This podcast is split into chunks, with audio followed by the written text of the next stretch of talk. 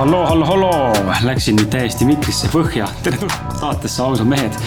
mina olen Kris ja, ja olen üks selle saate häältest või siis äh, mõtte, mõttejagajatest, filosoofidest. teine pool Martin täna meiega siin taaskord jälle ei ühine kahjuks ja see ilmselt hakkab olema veel tihedamini, sest Martin on tänaseks juba, ma arvan, selle saate inimese hetkel minemas Indoneesiasse teadmata ajaks ühe otsa piletiga.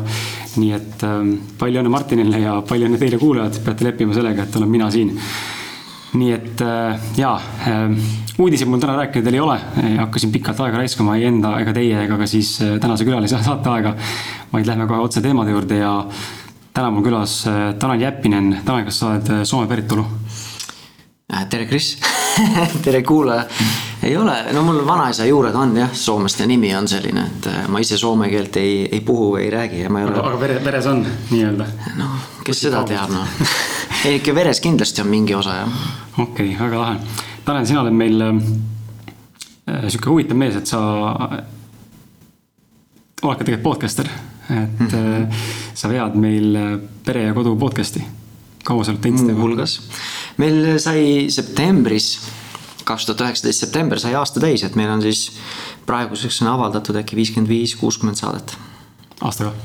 aastaga jah mm, -hmm. iga, iga, iga nädal üks saade. see on sama tempo, mis me tegime algusest peale, et see on, see on üllatav, et äh, ma ei tea, kuidas sina ise näed seda, aga ma näen seda, et äh, nädalas üks saade teha ei ole nagu väga suur pressure nagu tootlikkuse mõttes. eriti sul, sina, sul on oma strateegia, me teeme ka mõnikord ettelindistusi, aga ütleme nädalas üks toota. see ei ole nagu väga suur katsumus, aga ütleme suures pildis äh, vaadates täna enda pooleteise aasta tegutsemise tagasi, kus ma olen iga nädal ühe saate teinud. täna meil, ma ei, ma ei oska mitmes, kaheksakümmend seitse, kaheksakümmend kuus episoodi äkki, ma täpselt ei tea praegu. Sest me lindistame ette, mul on praegu raske ette mõelda selle peale. aga, et äh, on huvitav näha tegelikult, kui palju impact'i tegelikult see loob, et see järjepidevalt nüüd välja paneb kogu aeg äh, ma ei tea, kas ise oled näinud seda või ei ole, aga ma ise näen inimeste pealt ka või üldse teiste podcast'ide pealt, keda ma siin põgusalt jälgin, et kuidagi nagu, kuidagi nagu öeldakse ja, ja mulle on öeldud ja Martinile on öeldud ka, et oh, kuidas te jõuate nagu nädalas korra, et ulmevärk, et ikka panete nädalas korra, täitsa rõts noh, et kus see aeg võtab. minu meelest see ei ole nagu väga raske, et. Ei no aja, ajakulu on nii või teisiti sama, aga minu arust, mis on põnev, on see, et kui ma teeksin nädalas korra mingit soolosaadet, kus ma pean üksinda monoloogi pidama siis see võtaks oluliselt rohkem aega, sa pead kogu aeg seda sisu looma, mingeid konspekte, mingeid märkmeid tegema. aga kui tegelikult noh, ma arvan, et teil on täpselt sama, mina enda jaoks kohtun oma podcast'is või Pere ja Kodu podcast'is väga huvitavate inimestega ja lihtsalt nagu vestelda, lobiseda, küsida, ise nendelt õppida, arutada nii-öelda mingi valdkonna asju, see on nagu, minu arust ei ole nagu selline tea, aeg läheb lennates, et on mõnus endale, endalegi mõnus seda teha. ja see on, see on kindlasti üks asi, mida ma olen ka tähele pannud, et äh, see aeg lihtsalt läheb mõnikord on kaks tundi möödas, siis vaatad, et ossa raisk, et pff, kaks tundi räägid edasi nagu polekski istunud siin. Et äh, selles mõttes on äge ja, ja, ja kurat ei, see podcast'i maastik on lahe, lahe on näha, et Eesti on hakanud vaikselt ennast järgi võtma sellele välismaale, mis alati on ju sihuke aastate viivitusega, et turg jõuab välismaale enne oma high peak'i ja siis meie eestlastena hakkame avastama, et oo, siin on vlogimine, oo, siin on podcast imine. et äh, mis sa arvad, millal meil tuleb meile Eestis selline haripunkt, kus podcast hakkab äh, nii-öelda omadega põhja käima, et praegu tundub mulle, et trend jätkub, et meil tuli eelmise aastaga peaaegu viiskümmend podcast'i juurde Eestis. No ma ei ole mingi ekspert siin, aga ma arvan, et siin ruumi nii-öelda kasvada on, et pigem on see, et kas noh, nii, nii kaua, kui see sisu on väärtuslik ja kvaliteetne, selline, mida inimestele meeldib tarbida ja kuulata, siis ma arvan, et nii kaua on seda kasvuruumi mhm. samamoodi mm, -hmm. et aga väga hea, lähme esimese sihukese mõnusa küsimuse juurde, mis on selline kohati klassikaline küsimus ja, ja kohati mõnikord ei ole ka. aga räägi enda lugu meie kuulajatele ja, mulle ka siis, et sihuke kokkuvõtlik, äh, ma ei pane sulle ajalist limiiti vastusele, aga sihuke kokkuvõtlik läbi milstone'ide või mis on sind rohkem murdnud või õpetanud inimesena või, või kasvatanud ja, ja kus on elu teinud selliseid keerdkäike, et äh, kus sa oled tulnud kes sa oled täna ja, ja kuhu sa oled liikumas sellise teadlikkuse juures, kus sa täna oled siis loomulikult? No see on küll selline laetud küsimus, et eh, kui sa tahad, sa võid kohvikus ära viia, siis pärast kuulata et eh, kui sa ajalist limiiti mulle ei pane, et eh, ma mõtlen, kui kokkuvõtlikult seda alustada või rääkida. ma, ma arvan, et nii-öelda selle valdkonna põhiselt, kus mina tegutsen, hästi lühidalt kataks seda, et Äh, ma praegu töötan äh, lapsevanematega ise, nii-öelda vanemlusmentorina või ma ei oska eesti keeles paremat nagu väljendust öelda, et inglise keeles parent coach mm -hmm. Põhimõtteliselt nagu eesti keeles coach või treener nagu see kuidagi nagu ei kõneta või. kuigi natukene teine asi on mentor ja coach, aga ma ise kasvasin üles, mul on kaksikvend mm, -hmm. me oleme täiesti erinevad äh, kuigi kasvasime ühes kodus üles, on ju. ja meie vanemad läksid lahku, kui me olime eelkooliealised ja, ja, ja no, muidu ma sellest nagu mitte midagi erilist ei pidanud, aga kui nüüd kaks tuhat neliteist aasta suvel mu naine teatas, et me ootame oma last, siis, siis nagu muutus korraga see oluliseks nii-öelda teguriks mm. -hmm. et ma tahtsin, lihtsalt see visioon, milline isa ma tahan iseenda lastele olla, siis mõjutas ikka päris mitme aasta jooksul väga paljusid minu otsuseid. et ma töötasin Ameerika tööandjale, olin töötanud äh, nendele üksteist suve, üksteist aastat ja see otsus et siis sealt ära tulla, kuigi ma teenisin korralikku raha Eesti mõistes mm, -hmm. ei olnud tegelikult väga raske otsus, ma tulin ära. kui meie beebi oli, eh, kes praeguseks, varsti saab viieseks nüüd talvel. Eh, tema oli mingi kaheksakuune, siis ma tulin eh, sealt töölt ära, ma võtsin kaksteist kuud vabaks. Et pühenduda siis nii-öelda ma ütlesin küll, et pühenduda perele, aga tegelikult oli see, et äh, ma hakkasin ise inglise keeles podcast'i tegema värsketele isadele. Äh, ise sukeldusin sellesse värskete isade, üldse isade kommuuni, äh, et ise tuge saada, ise. mul ei olnud nagu eeskuju selle näol, et, et milline isa mm. ma ise tahaksin olla, ma ei saa nagu kedagi kopeerida, sest mul ei olnud seda eeskuju. mitte nagu halvasti, ma suhtlen oma isaga. mul, mul on kasuisa, aga sellised nagu isad, nagu nemad olid, et mina tahtsin teistsugust teed, teed käia ja siis ma tulin sealt töölt ära, ma sain kaksteist kuud vabaks, hakkasin inglise keeles podcast'i tegema. Äh, mu naine äh, oli sünnitusjärgse depressiooniga. ja minu enda visioon oli see, et ma siis selle kaheteist kuu jooksul selle, see on nii-öelda hoovõturada, mille jooksul siis ma pean oma sissetuleku asendama, et ma saan siis äh, ajaliselt ja logistiliselt mul on võimalus olla siis selline isa, nagu ma vaimusilmas näen, et mul on, ma ei ole nädalavahetuse isa, keda ma seal USA-s palju nägin mm. -hmm. kes õhtul hilja jõudsid koju selleks, et äh, võib-olla lastele head ööd musi anda, võib-olla andsid selle siis, kui laps juba magas. hommikul lapsed ärkasid üles, isa oli juba läinud, nädalavahetusel püüdis siis kompenseerida kõike seda, on ju.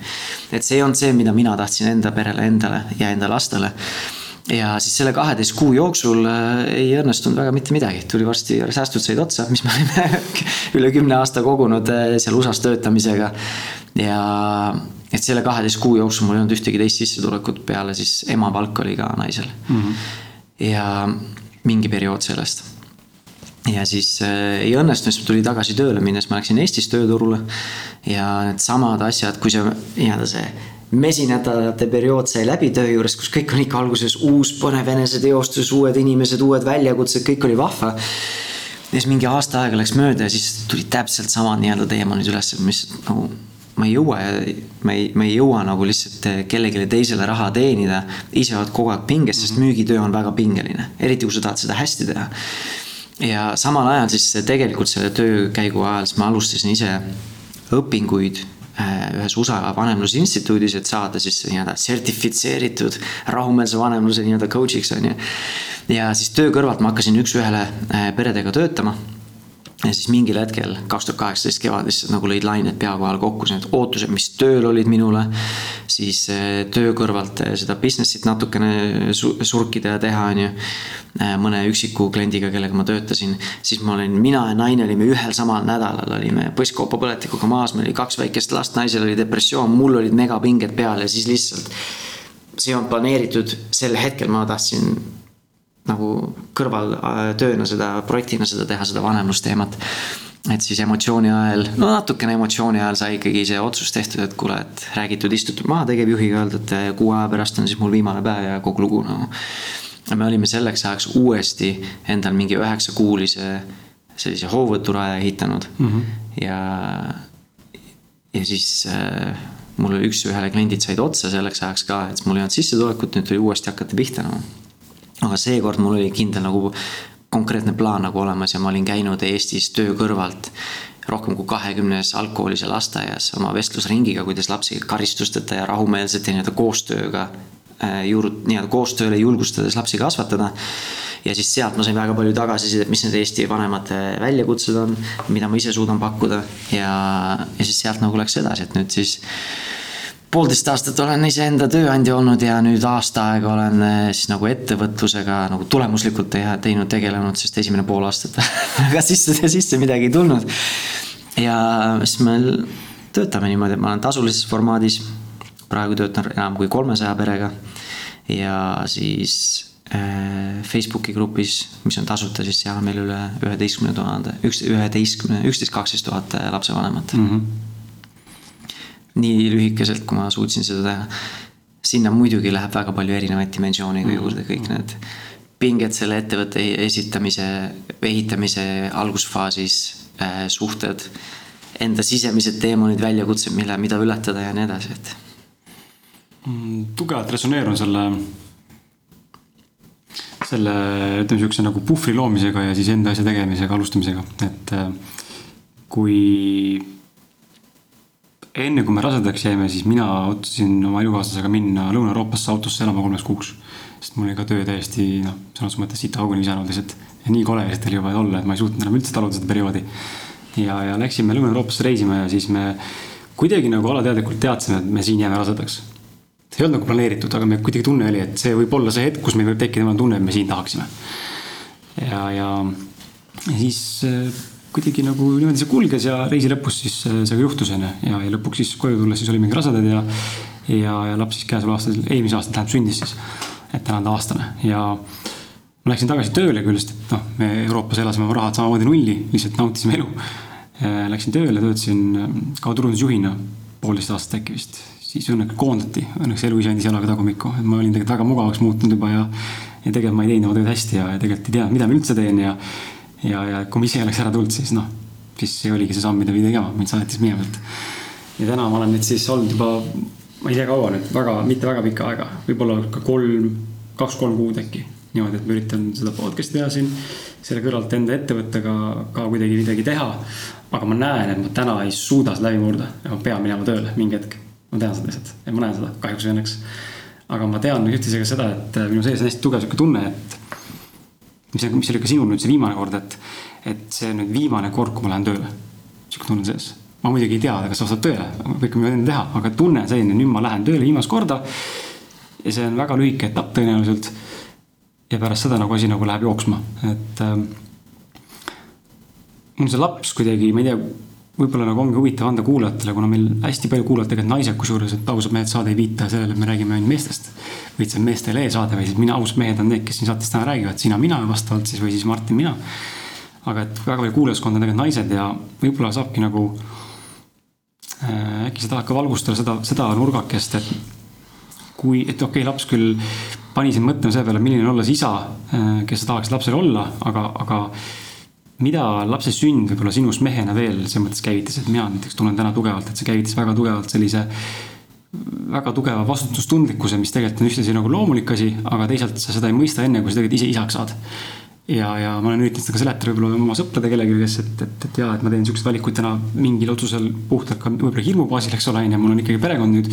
ei ole ainult see mina ja naine, on ju aga et äh, te ei, ei pruugigi enne mõista, kui see ise reaalselt isaks ei saa, et sealt tuleb mingi sihuke tap in'ib sihuke teistsugune realisatsioon, et okei okay, nüüd on midagi nagu, midagi nagu muutub siin shift'is siin sees. ma ei oska seda kirjeldada, aga ma ei tea, kas sa saad minust aru, aga kas, mis, missugused veel siukseid aistingu või tundmusi sul või, või mõistmisi või tärkamisi või taipamisi tekkis sul, kui sa said isaks näiteks? ma tahaks öelda, see on nagu selline ju, ma ei tea, stereotüüpne vastus, jah, et ikka see vastutustunne ja nii edasi, aga noh, ma ja ma arvan, et mingil tasemel kindlasti tekkis see, eh, aga kui ma vaatan enda lugu, siis eh, tulla palgatöölt ära, olles ise ainukene sissetulekuallikas perele, enne kui sul on muu sissetulekuallikas olemas, et kui vastutustundlik see tegelikult on mm. -hmm. ja teha seda kaks korda kolme aasta jooksul, et, et ma ei tea, kas see on vastutustundlik käitumine. aga samas, eh, eks see oli selles mõttes ikkagi kaalutud riskid, et mul on endal enesekindlus olemas, et eh, kui ma peaksin tagasi tööturule minema, siis ma tean, et ma suudan müügiinimese või müügijuhina pakkuda väärtust mhm. ettevõttele mm, -hmm. ma tean, et ma saan tagasi palgatööle. kui on seda vaja, et see on minu nii-öelda tagala nagu olemas, et see ei ole see, et nüüd lõikame nüüd nööri lahti ja hüppame bench'it on ju, vaatame, mis saab, et mis seal all ootab mind, on ju. või ma ei tea, kas see on õige nii-öelda näide, aga et mingi nagu selline kindlustunne on olemas. aga kindlasti selline, see on nagu nii klišee, aga ma ei tea, ta andis nagu mingi sellised rohkema sügavuse või mingi suurema tähenduse võib-olla mingitele tegudele, asjadele. Ja, ja seda ma nagu olen avastanud nüüd edasi, et kui meil lapsed on vanemad ja ja õppinud ise nagu lahti laskma sellest, et mina püüan oma lapsi kontrollida või nagu selles nagu kontrollida, mis nendest saab, millised inimesed nendest kasvavad ja nüüd näha, esimese lapse peal seda nagu ei osanud võib-olla niimoodi näha, sest kõik oli uus, kõik oli nagu vahepeal ei saanud nagu öödega mütsi aru, on ju, mis toimub, eriti alguses.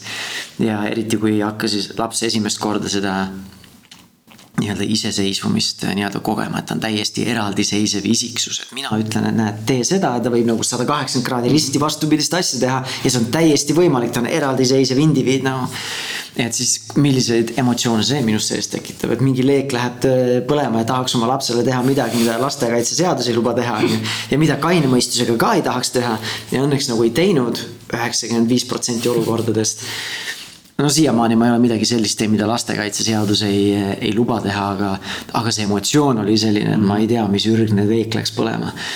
et siis äh, et nagu nüüd näha ja lasta mingil määral nagu astuda samm tagasi ja näha, kuidas nad tegelikult nii-öelda nagu mingil määral õitsele lähevad, et nagu ma näen, et mu poeg ja mu tütar on täiesti erinevad isiksused mm. -hmm. isegi kui nad oleksid mõlemad samast soost, ma oleksid täiesti erinevad isiksused, nagu see on nagu nii põnev nagu näha, kuidas nad nii-öelda nagu õitsele lähevad ja kasvavad, kasvavad nagu täiesti nagu oma, oma tee leiavad nagu ja olla pigem selleks, püüda olla teejuhiks kui siis selleks, kes nüüd vormib oma lapsest nagu mingist pehmest savikantsakast mingi keraamika, on ju et selline nagu see avastamine ja nendega koos selline, no ongi ise oled ka nagu hästi avatud äh, hingega või proovid olla, et nagu võtta vastu see, mis, mis, mis see kogemus nagu pakub mm -hmm. mulle, mitte see, et nagu proovida suruda seda mingisse vormi, kogu seda, kas lapsevanema kogemust või lapsi ja nii edasi.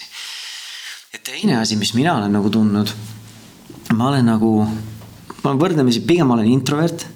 et mul ei ole probleemi avalikult esineda, mul ei ole probleemi äh, inimesi coach ida äh, üks-ühele grupis, inimesi juhtida, ma olen olnud müügijuht enamus karjäärist aga kui ma pean suures seltskonnas olema, see pigem võtab mul nagu energia ära, no et ma olen mm. nagu läbi selleks õhtuks, kui ma pean päev otsa tegelema, näiteks.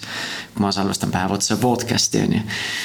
ja, ja ma olen pigem nagu introvert ja võib-olla selline, ma ei tea, stereotüüpiline mees või siis eesti mees, selline nagu stoiline või selline külm või selline. ma ei tea, kivi nagu, et nagu nagu ma ei tea, ameeriklased viskavad nalja, kui nad eestlastega räägivad, et kui sa saad juba sellise kergitatud kulmu, siis see on nagu maksimaalne entusiasm, mis sa eestlaselt saad, on ju. et siis äh, ma olen nagu tundnud, et see, ma ei tea, ma olen endaga mõelnud ka, et kas on sellest, et mul esimene laps oli tütar. et kas see oleks samamoodi olnud, kui oleks poeg mm. -hmm aga see esimese lapse tulek minu ellu nagu avas sellise nagu emotsionaalse maailma minu jaoks. et pärast seda äh, mul ei ole nagu nagu selle teekonna, meil on, no vanem laps on siis saab viieseks talvel. et selle viie aasta jooksul mul ei ole nagu olnud probleeme, mul ei ole praegu ka probleemi olla nii-öelda haavatav, olla emotsionaalne äh, et kui noh, mingil määral nagu inglise keelest eesti keelde tõlgitakse, et kannad oma emotsioone nii-öelda varrukal või selles mõttes mm -hmm., et nagu inimesed nagu näevad. et see, mida nad näevad, see on see, mida ma kogen ja tunnen nagu. mitte seda, et ma nüüd mingi nutan oma silmad välja, ei suuda midagi olla, aga kui on olnud pingelisi hetkesid siis ikka voolavad pisarad silma, silmadest välja, ma ei ütle, et ma olen siis nagu vähem mees. või ma olen nüüd, ma ei tea, pehmo või mis iganes. ma lihtsalt kogen oma emotsioone täielikumalt, kui ma seda varem suutsin mm -hmm. ja mhm. julgesin teha või siis oskasin teha. ja see on nagu selline põnev maailm olnud, et äh, esiteks, kui palju see nii-öelda ehedus või haavatavus annab sügavust suhetele juurde. nii minu kui lapse vahelisele suhtele, kui ka minu ja naise vahelisele suhtele. ja mis võib-olla kõige üllatavam on olnud meeste enda vahelistele suhetele mm. -hmm. mitte see, et ma lähen nüüd sõbraga rääkima ja kogu aeg mingi, mingi nutan, on ju, aga see, et ma julgen rääkida sellest, mis tegelikult mm -hmm. on hingel. mida ma tegelikult kogen. ja mis kõige põnevam, siis see teine mees, kes mul seal vastas istub, sõber on ju see on nagu värske õhk talle, ta pole kunagi võib-olla mm -hmm. kellegiga sellistel teemadel rääkinud või nii avatult rääkinud ja kui sa ise teed selle ukse lahti, siis no mul ei ole keegi öelnud, ma ei tea, loll oled või ma ei tea, mis iganes naine oled või kuule, ma ei tea, mingi. ma ei taha sinuga enam suhelda või mingi, mingi hakkab maha tegema mm, -hmm. seda pole kunagi siiamaani olnud, nagu tegelikult on pigem selline. nagu ongi nagu värske selline puhang, et okei okay,, kuule, see on see, mis minu elus praegu toimub ja, ja kõige huvitavam on olnud see, et nüüd, kui ma töötan lapsevanematega ka tavaliselt, kui ma Tallinnas käin, ma käin kuus korra Tallinnas, ma salvestan oma podcast'id ära. siis teen ööseks siia eh, hommikul järgmisel päeval nagu täna siin eh, teeme siis mingeid muid tööasju või muid tegemisi. ja siis iga kord, kui ma Tallinnas käin, siis oma selle tasulise lapsevanemate programmi isadega me teeme meestega. ja, ja see on täpselt samamoodi, kui me saame kokku aasta aega tagasi, kui me kokku saime, me keegi teineteist ei tundnud, võõrad vennad tuleme kokku, lihtsalt vaatame silma, on ju. meid kõiki ühendab ainult see, et me tahame oleme ise nagu käe püsti tõstnud, et ma tahan olla parem mees, parem abikaasa, parem lapsevanem, parem isa. ainukesed asjad, mis meid ühendasid, mõned on ettevõtjad, mõned on ehitajad, mõned on mingid kolmandast eluvaldkonnast, on ju. ja, ja kui nagu luua nii-öelda mingid need piirid või see on see, mille jaoks me kokku täna tuleme või siin iga kord kuus kokku tuleme, millest me nagu räägime. ja see on nagu nii naljakas nagu ei ei olnud, ei ole väga palju mehi, kes seal lihtsalt istuvad käed rinnal, et nagu nad ei taha jagada, lihtsalt ongi. see ongi see, see koht ja see on nagu nii mõnus nagu rääkida nendest asjadest, mis tegelikult korda lähevad. see on see, mis, mis nagu ma ei tea, on kuskilt kinni, kinni kuskil pudeldatud ja võib-olla ei ole enda naisegagi nendest teemadest rääkinud mm, -hmm. sest ei ole mehelik nendest teemadest rääkida nagu no.. ja me ei hoia mingi käest kinni ja ei laula kumbajaa seal mitu tundi aga mõnikord on olnud mul endalgi olukorras, kus silm läheb märjaks, sest räägidki nagu nii mm, -hmm. nii haavatavatel teemadel noh kasvõi näiteks enda vanematest, mul endal ema on näiteks haige, on ju. mida, kuidas see mind mõjutab, kuidas see mind lapsevanemana mõjutab, sest ja see teekond, mis ma nüüd olen võtnud ette, et oma ema ja isaga, keda ma ei tea, kui kauaks neid siin on, on ju, et nendega rääkida enda lapsepõlvest, nende lapsevanemaks olemise kogemusest, miks nemad tegid selliseid otsuseid, nagu nemad tegid, kui nemad olid lapsed? Ja mida mina siis äh, saan muuta oma alateadlikest mustritest, et ma ei korda täpselt samasid asju. Mm. -hmm et mina isana, et mul on võimalus ja õigus teha enda vigasid, mitte korrata oma eelmise põlvkonna vigasid. Ja, ja see on nagu nii värske, nagu kui rääkida oma vanematega, ma olen oma vanematega viimasel aastal pidanud vestlusi, mida ma ei ole kolmekümne nelja aasta jooksul kunagi varem pidanud oma isaga istusin maha, mõlemal läks silm märjaks, rääkisime ehedatest asjadest, oma emaga istusin maha, tegelikult viimane kord just eelmine nädalavahetus, kui me nüüd sellest, kui me salvestame. ja, ja samamoodi, kui me nende võõraste nii-öelda siis võõraste meestega räägime, siis nagu tundub, et no ma ei tea, kas naistel on võib-olla rohkem ja lihtsam kultuuriliselt, evolutsiooniliselt kuidagi jagada neid asju aga mõnikord ka mitte, sest sagedasti naistel lihtsalt läheb ka selline pinnapealne mingi klatš käib nagu selle asemel, tegelikult rääkida sügavatel teemadel. paljudel naistel on vedanud ja on sellised lähedased sõbrannad, kellega tõesti hinge puistata, on ju. aga meestel on tavaliselt ikka mingi stigma või mingid, mingid plokid on ees ja me nagu ei tee seda. aga kui keegi teeb selle ukse lahti, see on nagu paganama äge ja me kõik nagu tegelikult otsime seda nagu reaalset inimkontakti, mitte mingit pinnapealset seda, et kuule, vaata, räägime, kuidas NBA-st, mis su lemmikmeeskond on nagu. oo, kuidas need viimase, eelmise suve nii-öelda need treidid on või vahetused on, mängijate vahetused, mis sa sellest arvad, kuidas järgmine hooaeg läheb. see on ka vahva ja äge võib-olla, kui sa oled kirglik korvpalli suhtes, on ju. aga kas see tegelikult panustab su elukvaliteeti? no pigem mitte. et see ma ei tea, see küs-, lühikene küsimus, aga me lõpuks jõudsime kuskile kaugemale, aga see on nagu üks teema, mida ma ise tunnen, et see lapsevanemaks saamine nagu avas täiesti sellise uue nagu valdkonna ja, ja tegelikult lõi üllataval, üllatavas kohas äh, palju sügavama kvaliteedi minu ellu noh mm -hmm seda, seda ma olen ise ka märganud, siin saates just on ka see hästi välja tulnud tugevalt, et. Ähm, kui sa oskad nagu ise presenteerida või, või näidata ust nendele just meestele, kes ennast võib-olla ei ole sellise nurga alt haavatava ja emotsionaalse nurga alt näidanud ennast. siis tihtipeale ongi, et ei olegi mitte vastuhoiak, nagu võib-olla oskaks nagu eeldada ühiskondlikku pilti vaadates, vaid vastupidi on see, et ollakse valmis ja, ja see sinu see läbinisti ausus ja sinu haavatavus paneb ka neid seda ausust ja haavatavust nagu endast välja karjuma. et mis kõik sisse sees on hoitud, noh et ise näen ka seda, et ma olen ka viimase võib-olla kahe-kolme aastaga muutunud palju-palju-palju rohkem haavatavamaks ja selliseks emotsionaalsemaks ja, ja nutangi, kui vaja nutta on. siin viimane kord, mis tuleb mul kohe meelde, ongi noh, elukaaslase seas ei ole mingi probleem nutta, see on mul algusest peale olnud normaalne, aga eh, meeste seas on hakanud tekkima rohkem see, et kui on vaja tulla pisar, siis no las tuleb ja mul ükskõik kui näevad, noh vahet ei ole noh. et, eh, see nagu lähendab heas mõttes inimesi, et äh, see on nagu äge. aga mm, üks lugu võib-olla siia vahele ka, et mm -hmm. samamoodi oma lapsega, et kui ma nüüd isa rollina olen, et ma tahan ise luua eeskuju või, või mudeli, eh, kuidas emotsioone reguleerida. et seda on raske teha, kui ma iseenda emotsioone ei näita, ei, ei näita ka seda, kuidas ma oma emotsioonidega hakkama saan, kuidas ma nii-öelda reguleerin iseennast, kuidas mm -hmm. ma ennast juhin, on ju et siis samamoodi on noh, kui laps saab haiget, kuidas ma temaga käitun, on ju. aga siis ka, kui mul endal on raske, siis ma mäletan, meil oli megapingeline aeg just enne seda esimest lansseerimiskampaaniat, kui lihtsalt nagu. meil on neli-viis kuud on veel raha on ju säästudes, aga mis nüüd saab, kui asi käima ei lähe noh nagu pinged on peal ja, ja siis oligi nagu üks moment, ma lihtsalt tulin elutuppa alla kodukontorist istusin diivani peal ära, mitte sellepärast ma oleks nagu, ma ei tea, katki või lihtsalt nagu nii suured pinged on nagu peal ja siis ma nagu vaatan neid lapsi, kuidas nad kahekesi nagu mängivad, nagu see oleks nagu maailma kõige olulisem asi on lihtsalt neid klotse sinna panna või mis iganes nad mängisid nagu, kui nagu hetkes nemad on. ja lihtsalt see nagu maandas mu pingeid ja kogu selle pingetega, siis lihtsalt hakkasid pisarad jooksma, ma istun seal diivani peal. ja mitte sellepärast, et ma nagu kontrollimatult tõesti nutan, aga lihtsalt pisarad jooksid. ja ma ei püüdnud neid tagasi hoida, aga lihtsalt nagu tulid see, et, et kui lihtne ja kui nagu kui nagu hetkes nemad suudavad olla, mina muretsen millegi pärast, mis võib või, või ei või juhtuda või ei pruugi juhtuda kuu aja pärast, kahe nädala pärast, mis iganes. ja siis mingil hetkel nagu see on pikk periood, aga lihtsalt mingi pool minutit, minut ja siis mingil hetkel mul tüdruk tuleb sülle ja ütlebki, et mis on issi nagu. ja ma ütlesin, lihtsalt ma ei tea, lihtsalt nii pingeline, nii raske on praegu olla noh mm -hmm.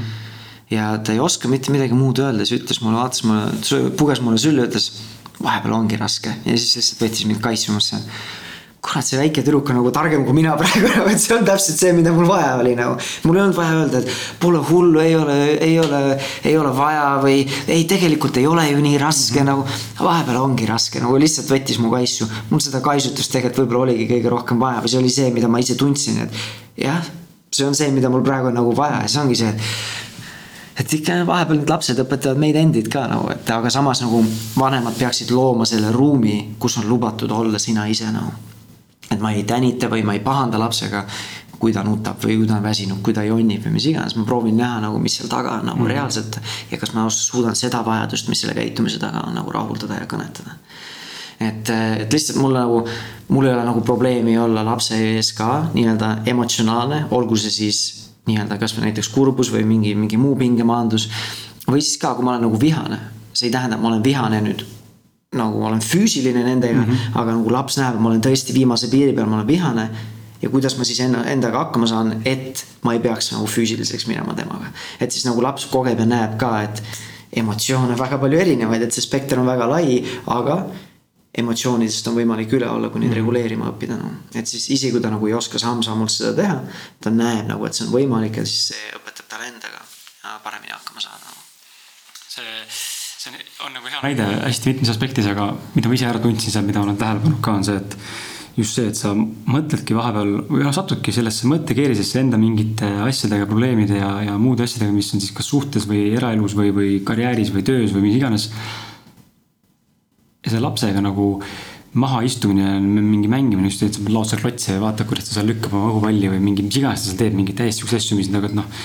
kasvõi see, et meil viimane mingi sihuke on hakanud välja kasvama mingi trend, et või noh, sihuke nagu uus sihuke harjumus, et tahab, loeks raamatut talle või näiteks endale, toob sulle kaugelt raamatu niimoodi juba onju aastane. mingi tee, tee, tee, siis ma saan aru, et okei okay,, tahab raamatut lugeda, võtan sülle ja siis koos vaatame ennast, et mu näpus kinni niimoodi, ta on sihuke kiiks, kiiks. et võtab nagu näpus kinni, siis minu näpuga näitab sinna peale, siis ma pean ütlema, mis see on, et oma näpuga ei tee seda mm., minu näpuga tahab teha seda. ja siis ma olen, oled seal hetkes ja vaatate raamatut koos raamatut ja, ja mängite ja olete ja siis tunnedki nagu, et täitsa pekkis, et tegelikult nagu jõhkralt toob tegelikult see lapse jälgimine ja lapsega koos olemine toob tegelikult täiega hetkesse. ka selles mõttes fookusest, et sa pead teda jälgima, eriti kui ta on sihuke väike laps, aastane või allaaastane, kus ta õpib alles kõndima ja tuterdab seal ja. et ei kukuks seal kuskil pead lõhki endale, sa pead nagu jälgima väga fookus olema, mitte et siin natuke olen nutitelefoni, siis vahepeal piilun, mis on ka juhtunud mõnikord ja ma olen kohe õppetunni saanud.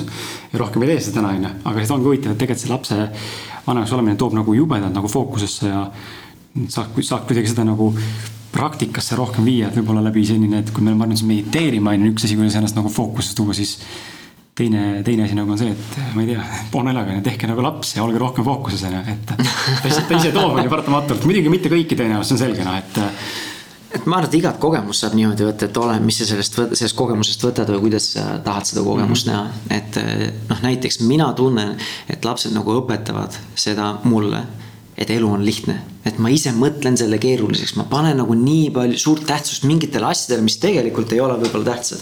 või ei ole nii tähtsad, nagu ma enda vaimusilmas nüüd need nagu mingiks suureks, ma ei tea, draakoniks või vaimuks või mingiks teemaniks nagu kujutan, on ju. Mhm. aga samas kindlasti võib teises vaatevinklis see laps hoopis elu keerulisemaks teha. pingeid on rohkem, kuidas me arved ära maksame, kuidas me seda teeme, kuidas me logistiliselt kõiki neid asju la, eh, lahendame, et need kõik asjad oleks tehtud, need huvialaringid, kui lapsed vanemaks saavad. Eh, hobid, enda hobid, eh, enda sotsiaalelu, enda vajaduste eest täitmine, arvete maksmine, tööl käimine, tea. sa võid sellega ka ennast kinni tõmmata, et olenebki, kuidas sa ise seda kogemust võtad, mis vahet, mis, mis iganes see kogemus on ma olen saanud erinevates investeeringutega elus petta saanud kümnete tuhandete eurodega. mis ma sellest kaasa võtan? võtan ma sellest õppetunni kaasa või ma võtan kaasa mingi alateadlik uskumus, et ma olen kehva ärimees ja ma ei mhm. suuda midagi teha, on ju. et, et ma arvan, et palju oleneb sellest nagu, kuidas ma ise mõtestan mingit kogemust. see mindset on nii-öelda oluline. jah, no see, mis juhtub, see juhtub nii või teisiti mm, -hmm. kui eriti kui see on juba juhtunud, ma ei saa seda nagu muuta ja ma ei saa kõike tulevikku ka kontrollida, et pigem on see, et millise tähenduse ma sellele juhtunule annan mm. -hmm ja täpselt samamoodi tegelikult ka nüüd see lapsevanema teema ka, et, et kui kellelgi, minul endal ei olnud sellist isa, nagu ma tahtsin, siis ma võiksin valida selle, et nüüd ma ise olen samamoodi nii-öelda selles nagu mitte kohalolev isa, on ju. või ma tahan teadliku valiku teha, teen midagi muud või midagi kolmandat või midagi neljandat, et, et see, et minul oli selline on selline taust, see ei tähenda, et ma pean ise samamoodi mhm. edasi minema. et see ongi, millise kogemuse või millise tähenduse ma oma kogemusele annan. aga sa mainisid äh, korra ka mulle e-, eetriväliselt enda nagu sihukest väikest suhet, nagu aru saan, te olete olnud äh, päris pikalt tegelikult koos, on ju? et äh, keskkoolist saati, nagu ma aru saan. me oleme olnud koos ja ma ei tea, kuus, viisteist aastat, me alustasime hästi vara, mingi viieselt. ma olen ma tahtsin teha nalja, et ma olen noorem, kui ma tegelikult olen, aga okei okay. ei tulnud vist välja, aga. aga jah, et me oleme keskkoolist äh, saati koos, me oleme olnud koos, ma arvan, et viisteist aastat, ma ei ole minu arust oli viisteist aastat jah. aga räägi mulle siis. Äh, ei, seitseteist aastat, ma ei tea palju ühesõnaga, üle viieteistkümne vist on seitseteist okay., olime, abiellusime siis, kui meil sai kaksteist aastat koos oldud täpselt samal päeval ja meil oli viies abielu aastapäev okay., siis seitseteist, näed. ikka lõpuks arvutad välja ma kuupäeva tean aga räägi mulle siis äh, ja, ja meie kuulajatele ka, et äh, suhted on, mina nagu täna enda võimalikult, ütleme niimoodi, minul on olnud võib-olla kaks-kolm tõsist suhet, millest nendest kaks viimast jäävad siis sellesse ikka, kus ma olin pubekas. mida, mis olid küll tõsised minu jaoks, aga noh, ma ei saa neid täna loomulikult võrrelda sellega, kus ma täna olen. seega mul on põhimõtteliselt olnud ainult üks tõsine suhe ja mul on elus olnud üks partner seksuaalses mõttes, kes on täna mu naine ja ma näen üha tungivalt, ma võin eksida, ma ei ole ka ju guru ega, ega siin suhtementor ega coach, aga ma näen seda, kuidas väga paljud inimesed kannatavad äh, ebakvaliteetsete suhete all ja peamine põhjus või peamised põhjused, mis sealt välja, mina vähemalt näen enda pealt, äh, on see, et me esiteks ei suhtle omavahel üldse absoluutselt, eriti ausalt, väga pinnapealne vestlus on koduseinte vahel.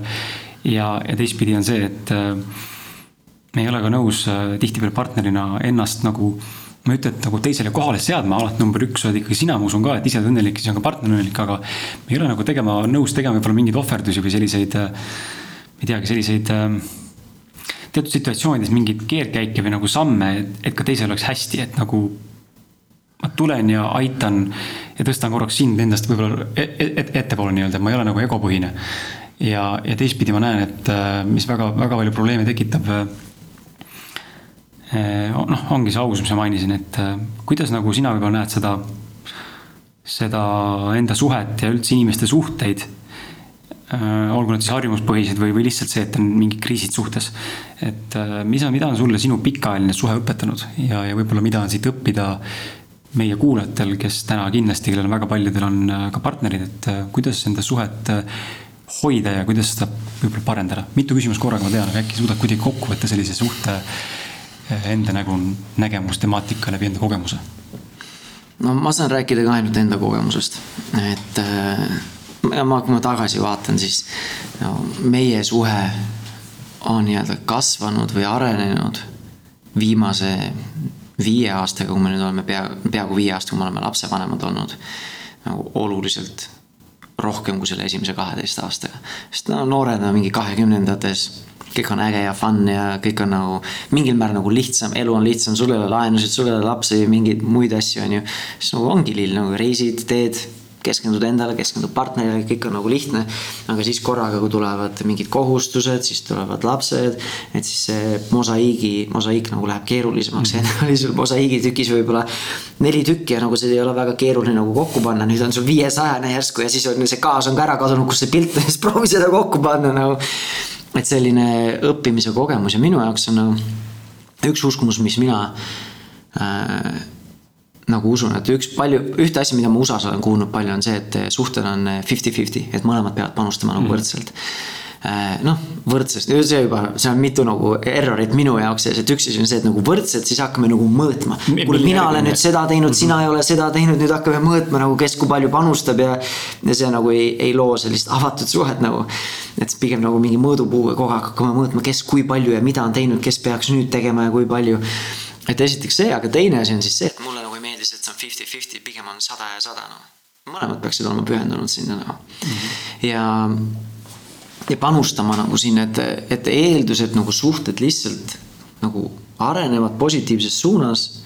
sellepärast, et me üks, ükskord ütlesime teineteisele jah, olgu see siis kuskil altari ees või siis lihtsalt üks küsis, kuule, kas me hakkame date ima või mis mhm. iganes, on ju.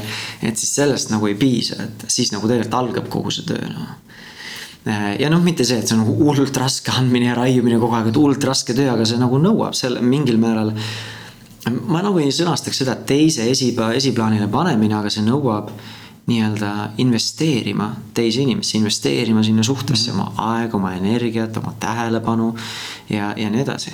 et suhtlemise koha pealt ma nagu nõustun, paljuski noh, lihtne on ära eksida sinna igapäevasesse logistilisse äh, vestlustesse, mis nagu tundubki lõpuks me lihtsalt mõlemad lihtsalt töötame nii-öelda OÜ peres ja räägime, kes toob toidu, kes viib lapsed, kes teeb seda, mis päeval on eh, kinopäev, mis päev on mingi muu päev ja nii edasi ja nagu tegelikult nagu indiviidi tasemel nagu ei, ei saavuta seda kontakti mm. -hmm.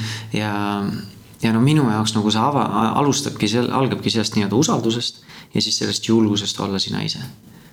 Ja mis siis saab, kui teine pool võib-olla esimest korda näeb ainult seda, kes sa tegelikult oled ja mis vajadused sul on mm. ja, ja.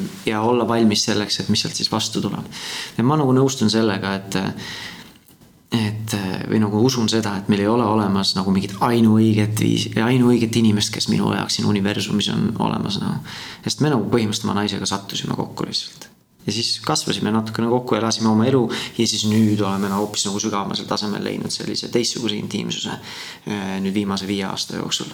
et äh, ma arvan, et sa võid igast, no mitte igast suhtest, aga sa võid selle suhte ongi kas ise nii-öelda pekki elada või siis sellest luua koos midagi ägedat ja midagi ilusat mm. -hmm. seda öeldes nagu äh, noh, mina olen nõus ka sellega, et ei, pea olema nagu alati nagu üks partner, et võib-olla kunagi juhtub, ma ei näe, miks ja kuidas see võiks minna, võib-olla juhtub kümne aasta pärast, mul on mingi hormoon pähe, keskeakriis ja ma ei tea, tahad midagi muud, on ju. et siis eh, noh, ma nagu ei arva, et nagu eluaeg peab jälle üks partner olema, kuigi ma ei näe põhjust, ma ei, mul ei ole motivatsiooni oma naisest nagu lahku minna, on ju. või, või perest lahku minna, aga minu arust lihtsalt nagu mina ei tea, tuleb olla, meil tuleb nagu osata kõigepealt, ma arvan, et iseendast aru saada, mis kes sa ise tegelikult oled, mida sa ise tegelikult tahad, kõik algab iseendast nagu. ja väga palju ütleb, ma tean, mina kahekümnendatest ma nagu ei saanud ikka, ma ei saanud väga palju aru, mida ma, kes ma tegelikult olen mm. -hmm. mul oli väga palju erinevaid maske, erinevaid rolle. aga kes nende maskide taga tegelikult on nagu? et kes on see Tanel, kellele ma saan peeglisse sügavalt silma vaadata. Äh, mis tema elu tahab, mis tema väärtused on mis tema vajadused on, mis tema unistused on. mitte kellegi teise unistused, et ühiskond ütleb, et sa pead olema edukas mingil, ma ei tea, X standardil. Eh, ja nii edasi, et ma arvan, et kõik algab ikkagi iseendast ja siis julgusest panna see nagu välja ja mm siis vaadata, kus meil see kokkuklappimise koht on ja võib, võib-olla meil ei olegi seda väga palju. ja siis me saame ise otsustada, kuidas me oma suhtega edasi läheme. kas see suhe, me läheme suhtes nagu edasi, aga see lihtsalt võtab teistsuguse tähenduse meie elus või siis me otsime mingeid muid lahendusi, et see on minu enda mõtteprotsess mm, -hmm. ei ole mingi, ma ei ole ka mingi suhtecoach või mingi terapeut, aga minu enda selline mõttearendus, kuhu, äh, kuhu ma enda mõtete, nende mõtetega ise olen nagu jõudnud. Aga äkki, kui sa. ja selle, korraks ma tulen selle juurde ka tagasi, et Äh, mida ma nagu olen kogenud lapsevanematega ka, et nagu räägitakse, et lapsed on mingid õnneallikad, nagu ei ole, nagu lapse ülesanne ei ole sind õnnelikuks mhm. teha. ja samamoodi ka, et minu partner ei saa absoluutselt kõiki minu vajadusi igas eluvaldkonnas täita. sest siis ma olen õnnelik, kui mu partner täidab nagu kõik minu vajadused nagu. ja ma panen talle situatsiooni, kus tal ei ole võimalik nii-öelda edukas olla, sest nagu keegi ei suuda kellegi teise vajadusi sajaprotsendiliselt täita. et mina ise vastutan oma eluga rahulolu eest, mina ise vastutan enda õnnetunde eest. et see ei ole minu partneri vastutus või kohustus mind õnnelikuks teha. samamoodi nagu minu kohustus ei ole oma partnerit õnnelikuks teha ega oma lapsi õnnelikuks teha. ma pigem proovin nagu võib-olla aidata oma lapsi, et nemad suudaksid ise seda teha mm. -hmm. ise luua enda loo, ise eh, luua enda tee ja samamoodi ka, et aidata ja toetada oma naist, et tema ise suudaks Äh, noh, meil on lihtsalt selles mõttes, et suudaks, sest tema, me siiamaani võitleme selle depressiooniga, mis on võrdlemisi sügav. et siis ta ise suudaks nii-öelda endaga ise tegeleda, enda vajadusi rahuldada, neid kommunikeerida, neid väljendada ja siis ise nii-öelda oma õnnelikkuse eest nii-öelda vastutada.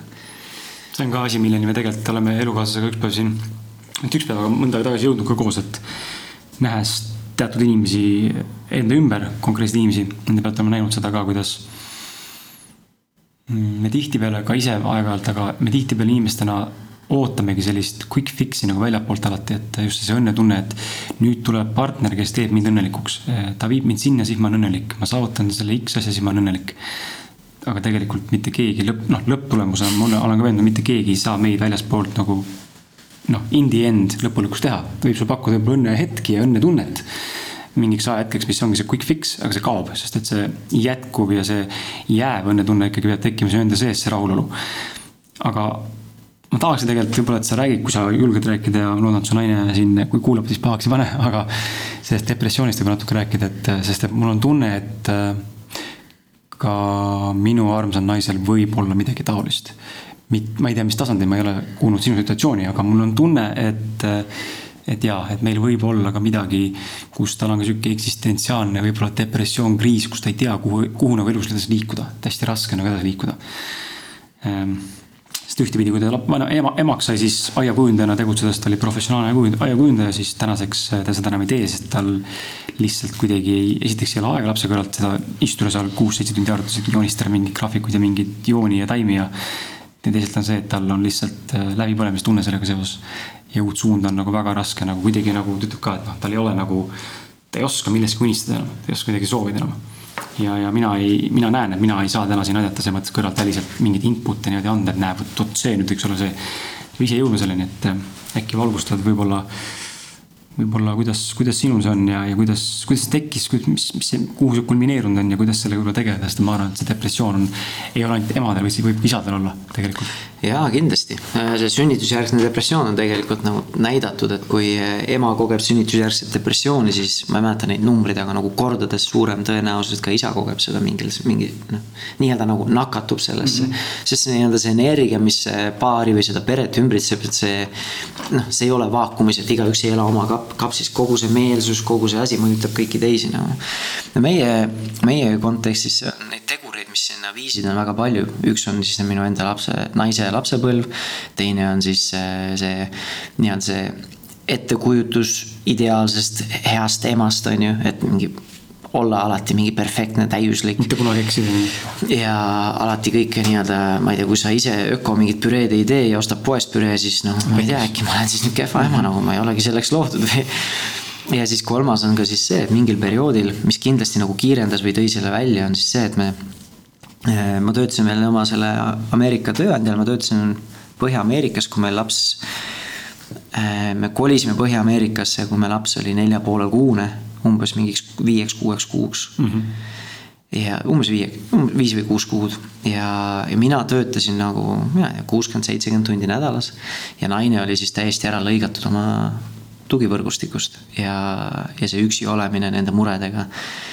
ja nende mõtetega ja mitte soovida äh, nii-öelda mind kurnata enda muredega, et enge sisse, sisse koguda kõiki neid muresid ja neid pingeid, et siis see kindlasti kiirendas äh, seda, selle ilmingute nii-öelda esilekutsumist, esile tulemist. aga noh, minu, ma ei ole mingi ekspert, aga mida ma ise näen ja kogen, on see, et et väga paljud vanemad, eriti emad, kui nad on kodused emad noh, isad võib-olla ka, kui nad on kodused isad, lihtsalt ma ise tean ainult mõnda käputäis isa, kes on siis kodune olnud lastega eh, need esimesed poolteist aastat. Eh, et väga paljud naised lihtsalt ootavad endast mingit võimatut üksasi. ja teine on siis see, et, eh, et neil ei olegi tegelikult võimalust oma sellest rollist äh, välja saada, et nad mingil määral ongi nagu lõksus selles ema rollis ööpäev läbi. Äh, ja, sest nad ei ole nagu, ma ei tea, kas plaani varem kokku pannud, ei ole mõelnud sellele varem, et tegelikult on äh, tal ka nagu rollist vaja välja saada et eh, muidu on see, et nagu üks matab ennast töösse, teine matab ennast kodukohustustesse ja mõlemad elavad nagu üksikud saared kuskil seal ja oma pingetel, sest ühel on mega palju pingeid, et sissetulekut tuua, teisel on mega palju pingeid, et ta on üksinda nende pereasjadega. et siis nagu väga palju nende nagu nendest peredest, kellega ma ise olen töötanud või kes isegi näiteks sotsiaalmeedias on minuga ühendust võtnud, oma mure kurtnud, natukene abi soovinud või, sest ma olen ise oma platvormidel nagu jaganud seda et me oleme selle depressiooniga võidelnud. Äh, naine, ta ise ei kirjutanud, aga siis ajakirjanikuga siis koos tegid artikli ka pere ja kodus sellest depressioonist ja tema kogemusest. et me oleme nagu pigem olnud nagu avalikult rääkinud sellest enda kogemusest ja siis nagu ikkagi aeg-ajalt kirjutatakse. ja nagu nii, nagu kui ma näen ja kuulen, mis tegelikult see olukord on, siis ongi lihtsalt see, et see nagu iga inimene põleks läbi selles olukorras. kui sul ei ole võimalust välja astuda sellest olukorrast, sa ei saa isegi mõnikord ei saa kümneminutilist pausi võtta enam mm. -hmm. eriti kui laps võib-olla magab kehvasti ja nii edasi, et. et praegu, mis ma oma peredega räägin, kellega me töötame tasulises formaadis, me nagu keskendume nagu mega palju aega enne kui me räägime üldse laste kasvatamise teemadel, kuidas, ma ei tea, piire seada või, või mingeid muid asju lapse arengust, et mis on eakohane käitumine, mis mitte. me nagu veedame mingi kolmandik programmist sellega, et lihtsalt saada iseennast korda, saada oma paarisuhe korda, saada suhe lapsega korda ja pereüksus korda. et on nii-öelda selline mõnus keskkond, kus elada. mina ise olen parim versioon iseendast, meil on paarisuhe, on nii-öelda normaalne, et see nagu sealt ei, ei, ei lähe mingit sellist toksilisi, ma ei tea juuri kuskile mujale suhetesse mm. -hmm. ja alles siis me hakkame rääkima nendest muudest asjadest, kus see vundamenti nagu ei ole paigas, siis nagu vahet ei ole, kui hea lapse kasvataja ma olen või kui palju ma raamatuid olen lugenud, siis nagu see ei ole väga efektiivne. kui su enda süütenöör on nagu olematu, sellepärast et sa ei ole, ma ei tea, aasta aega ei ole iseendasse panustanud, sa ei ole nii-öelda enda tassi täitnud. ja nii palju, nii paljudele emadele, kellega ma, kes minu poole pöörduvad oma murega, sest ma olen avalikult rääkinud sellest depressiooni teemast enda pere näitel ja siis ongi lihtsalt see, nad pole aasta aega enda tassi täitnud. no kes ei põleks läbi sellega mm. -hmm. et äh, nii-öelda seada iseennast esikohale. mitte sellepärast, et ma olen egoist, aga sellepärast, et siis mul on, mida anda oma lähedastele. on, mida anda partnerile armastust, empaatiat, kohalolekut on lastele anda tähelepanu, empaatiat, samamoodi kohalolekut, see süütenöör on oluliselt pikem, ma saan, mul on aega teha paremaid valikuid, sest mhm. see, nii kui sädet tuleb, mul ei lenda pomm õhku ja nii edasi, noh aga oskad sa äkki tuua mõningaid või kas sa soovid tuua mõningaid võib-olla näiteid või selliseid praktilisi või kas ühe praktilise sellise tööriista, mida saaksid anda sellises olukorras äh, näiteks emale? Äh, kes ongi sellega, noh, ongi, sa kirjeldasid väga hästi seda, mis meil kodus mingil määral toimub, et ma saan ka aru, et tal ongi see seesama hetk on käes nüüd täna, kus ta tunneb, et ta ei ole endaga absoluutselt tegelenud. et äh, nii palju, kui ma seda aega saan anda, siis sellest ei piisa. ja, ja, ja, ja kuidas nagu, kuidas nagu siis saada sellest mustrist lahti praegu? no selle endaga tegelemisega on ka, et nagu mida siis teha, et ongi, et et seal on erinevaid asju, et oleneb, milline, mis need vajadused sul kõige suuremad on, mõnele võib-olla on vaja see, kui ma saan nädalaks ajaks, saan poolteist tundi endale võtta. et siis mõnele on kõige parem nii-öelda investeering see, et ma lähen sõbrannaga näiteks välja tõesti nagu tuulutan nii-öelda ennast mm. -hmm. teisel on jälle parem, äh, kui ma lähen, läheb, teeb mingit füüsilist tegevust, läheb trenni, teeb mingit joogat või midagi. kolmandal on võib-olla parem see, et ma saan üksinda olla oma mõtetega, kirjutada päevikusse või lihtsalt mediteerida, mis iganes, üksinda olla, on ju. et see on ka, et mõelda, proovida iseendas aru saama, aru saada, et, et mis on see, mis tegelikult aitab mul kõige paremini sellest või kõige tulemuslikumalt sellest mustast august mm -hmm. praegu välja saada. aga kõige lihtsam asi, mida teha, ongi tegelikult rääkida oma partneriga nii-öelda ilma hinnanguteta, ilma süüdistamisteta, kuidas mina praegu seda meie igapäevaelu kogen praegu. mis minu hinges on, mis minul need raskused on, millega ma praegu võitlen. kui raske mul on, millega mul on kõige suuremad raskused. ja, ja kui ta on nagu kahtlus, et depressioon on, siis nagu kindlasti proovi, proovige leida kuskilt mingi professionaali abi, kas baariteraapia näol, et lähete koos. või siis individuaalteraapia näol või mingid muud lahendused et, et saada see struktuur enda ümber, me oleme selle seitsmeteistaastase koosoleku ajal käinud teraapias kolmel erineval perioodil. ja nüüd oleme um-, natukene enam kui aasta aega käinud teraapias ja see on tulemusi näidanud. oleks soovinud võib-olla kiiremini, aga see on tulemusi näidanud ja nüüd praegu me oleme siis sellises rütmis, et me käime baariteraapias iga paari kuu tagant, et lihtsalt vaadata, kuidas asjad on. kas asjad hakkavad uuesti lagunema, kui me oleme oma pead või siis eh, meil on nii-öelda need mustrid on tõesti hakanud muutuma nagu no et äh, ma soovitan väga vabalt ja julgelt äh, lihtsalt otsida professionaali abi. Mm.. ja see on, see on ka tee, mida meie oleme läinud, et äh, noh, järgmine küsimus tegelikult on seksi kohta, et meil on sealt tulenevalt ka, ma ei hakka siin praegu pikalt rääkima sellest, aga ma olen siin saates mõned korrad seda maininud ka, et pärast sündi nagu meil katkes seksuaalne suhe täielikult ja see pole tänaseni taastunud ja see ei ole seotud ainult sellega, et laps tuli või mina olen eba, ebameeldiv mees järsku tema jaoks, vaid seal on väga tugevalt seotud ka minevik ja üldse mingi perekonna mingi teema mida ma täna siin lahkama ei hakka, aga tema näiteks on käinud hüpnoteraapia, hüpnotera-, hüpnoterapeudi juures äh, päris mitu korda ja on sealt tegelikult isegi mingeid nagu väikseid siukseid samme hakanud tegema. Enda nagu siukse nagu realisatsiooni jaoks ja, ja mina ise lähen nüüd ka novembris, äh, tunnen, et, tunnen, et on, on vaja mingeid asju kuskilt natuke mingi teistsuguse suunitlusega küsida vaadata, mida ma ise täna enam ei suuda lihtsalt. et omadega täiesti tupikus, et aga et just tulles selle seksi juurde, kui palju sind või sinu pere näiteks või sinu suhet äh, reaalselt lapse vanemaks esmakordselt saamine mõjutas seda seksuaalsuhet ja kas üldse sest see on sihuke valdkond, mis ma tean, väga no. paljud arvavad, et aa, kõik jätkub samamoodi jätkub ja siis tegelikult tuleb väga tihti inimeste põnts, et ossa raisk. kurat, ma ju nägin, et teistel ei olnud ma mõtlesin, mul läheb paremini, aga näed, mul nüüd ka ei ole seda, mida ma nüüd teen? ei tea, ma olen ikka seal enne kui ma siin Eestis hakkasime seda vanemusteemat tegema, siis ma olin, tegin ingliskeelset podcast'i, ma olin ikka päris äh, nii-öelda sügavalt sukeldunud sinna isade, isade maailma, seal ma olin erinevates tasulistes mastermind ides ja ümbritsetud isadest, et see, et äh, nii-öelda see pereeluga ja seksu-, aktiivse seksuaalveer-, mõlemat poolt nii-öelda rahuldava või õnnelikuks tegeva seksuaalelu elamine ei ole nagu väga lihtne ja tegelikult on päris palju Äh, lapsevanemaid ja mehi ka, kes siis nagu räägivad sellest, et ta mitte nagu sellest, oo mu naine on, ma ei tea, ei anna kätt ja mingi mm, -hmm. ma ei tea mis iganes silte tahaks külge panna, on ju, negatiivseid. pigem ongi see, et nagu mis siis saab ja kuidas siis teistel on ja siis, kui üks hakkab rääkima, siis tulebki välja, et tegelikult.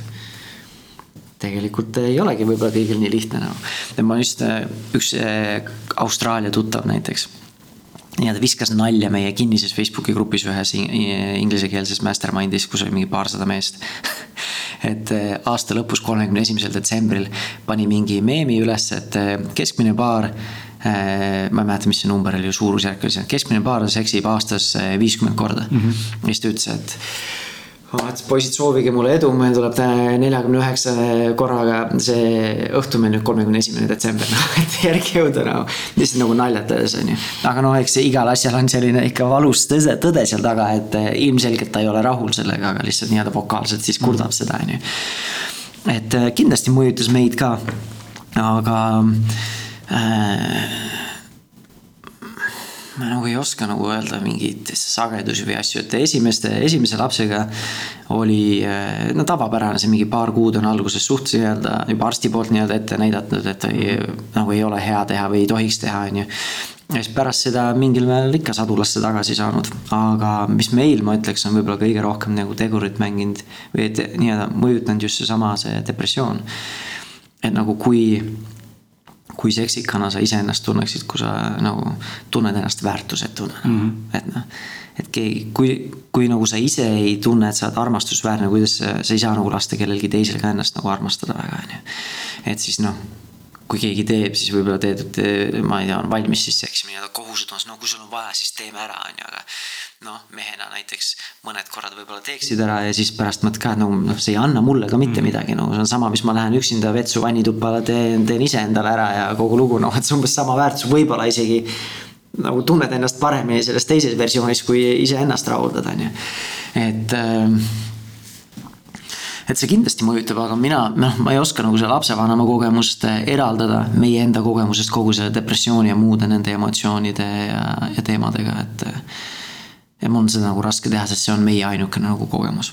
et meie mm -hmm. kogu selle lapsevanema teekonna, teekonnaga siiamaani on kaasas käinud äh, kas nagu tagataustal või siis väga nii-öelda jõuliselt ees, ees nii-öelda e e silme ees või nii-öelda eespla e eesplaanil see depressioon no et ma nagu üldiselt nagu ei oska midagi, midagi sulle luua, et või pakkuda. okei okay,, aga. aga no, no okei okay. kui selle teema juurde tagasi tulla, mis mul tuli mis, mis nagu me oleme rääkinud nii oma sellest vanemusprogrammis meestega kui ka oma naisega. et äh, nagu väga raske on ja no ma tean, Epp Kärsin on ka sul käinud mm -hmm. siin saates, et äh, meil enda vanemusprogrammis Epp käis rääkimas ühel kokkusaamisel samamoodi vanematega. ja ma olen ise käinud Eppu selles romantika nädalavahetuse paketil oma naisega. oli, oli väärt? Äh, no see oli juba mitu, mitu erinevat väärtust oli juba lapsevanemal oli juba see väärtus, et saad nädalavahetusel ilma lapseta mm -hmm. nagu et. et see juba on väga suur väärtus on ju paljudele lapsevanematele. Äh, meil on endal nüüd äh, selline nagu rütm, et me sihime, meie eesmärk on see, et iga kvartal saaksime veeta lastevaba nädalavahetuse. ja kui lapsevanemate käest küsida, millal oli viimane nädalavahetus, millal sa ilma lasteta veetsid, siis paljud, paljud nagu peavad mitu-mitu aastat tagasi minema oma mälus, et meelde tuleks midagi. Aga mis ma nagu tahtsin rääkida sellega Epp Kärsiniga seoses ongi see, et, et füüsilist intiimsust kogeda nagu tõesti sellist, ma ei tea, nagu kvaliteetset seksi, siis sul on vaja nagu emotsionaalset kontakti mm. -hmm. aga noh, muidu oleks nagu lihtsalt nii-öelda põhimõtteliselt nagu läbi teise inimese nii-öelda masturbeerimine nagu põhimõtteliselt nagu. et sul oleks nagu, on ikkagi vaja seda emotsionaalset, eh, emotsionaalset kontakti ja. Ja nagu kui nagu üldse rääkida, ma ei ole mingi soovitaja, aga mida ma enda kogemusest olen kogenud. et alustada sellest emotsionaalse sideme taastamisest, loomisest, nii-öelda sinna panustamisest ja ja kui sa ise nagu tõesti tunned seda emotsionaalset intiimsust ja naine tunneb, no ütleme meeste, mehe vaatevinklist, et kui mina saan panustada sellesse suhtesse ja kui ma saan aidata naisel tunda ennast ihaldusväärsena, seksikana, väärtuslikuna, armastusväärsena, siis, äh, siis ma arvan, et siis noh, kui seal ei ole muid selliseid alateadlikke mingeid mustreid ja piiranguid ja blokke peal, siis miks ta ei peaks mingil hetkel tagasi nii-öelda tulema nii-öelda avama ennast mm. füüsiliselt, aga ka emotsionaalselt nagu, et näed, siin ma olen ja ma olen haavatav ja, ja olen valmis sind nii-öelda vastu võtma. nii otseselt kui ka kaudselt -hmm.. okei aga räägi mulle siis võib-olla laste kasvatusest, et äh, millist mindset'i sina enda lastesse täna süstid? et sa põgusalt siin ka mingil määral puudutasid aga et äh, võib-olla just nagu selles mõttes konkreetsemalt, et et kas on mingid väärtused, mille järgi ise täna elad tugevalt ja tegelikult sa näed, et need on nagu aidanud ja need võiks tegelikult sinu last aidata. Noh, ma ei tea, ma kujutan, ma ise kujutan ette, et ma ilmselt äh, hea meelega informatiivselt informeeriks kindlasti oma last mingist vanusest äh, ka võib-olla sellist äh, spirituaalsemat poolt, et näha seda maailmapilti võib-olla laiemalt, mis ei pruugi tõde olla, aga just see, et võib-olla see noh, see, et ma täna käin koolis, võtan hea töö siis on pension, suren, vahepeal seksin, söön ja siis ma elan ja suren ühe korra ära ja on kõik, et võib-olla anda ka seda suuremat perspektiivi, et võib-olla midagi veel beyond life nii-öelda. Aga, aga mitte nagu pealesurudus, aga just nagu seda spektrit laiendada, et millised on sinu need dünaamika, mis sa täna näed, kus sa nagu julged last suunata ja võib-olla miks ja miks mitte? vaata, siin on see, et kui ma nüüd nii-öelda vanemusmentorina töötan või kui ma oma peredega töötan, kes meil selles tasulises formaadis äh, või programmis on, siis äh, on nagu väga vähe kohti, kus ma ütlen kellelegi, kuidas oma lapsi kasvatada. Ma pigem nagu proovin anda juhiseid, kuidas inimesed ise leiavad see, et mis on meie pere jaoks õige või vale. mis on see, kuidas meie tahame oma lapsi kasvatada, mis on see, kui, milliseid väärtusi meie tahame edasi anda, sest kes olen mina kolmanda isikuna kõrvalt ütlema, et sina pead enda lapsele selliseid väärtusi või teistsuguseid väärtusi edasi andma, on ju. et see väärtus, need väärtused, mida, milli-, mis ühel või teisel perel on, need ongi nende omad mm. -hmm. aga sagedasti me ise ka ei tea, mis need on. nagu millised on need raamistikud, mille või ra-, raamid nagu, mis raames me tahame oma lapsi kasvatada.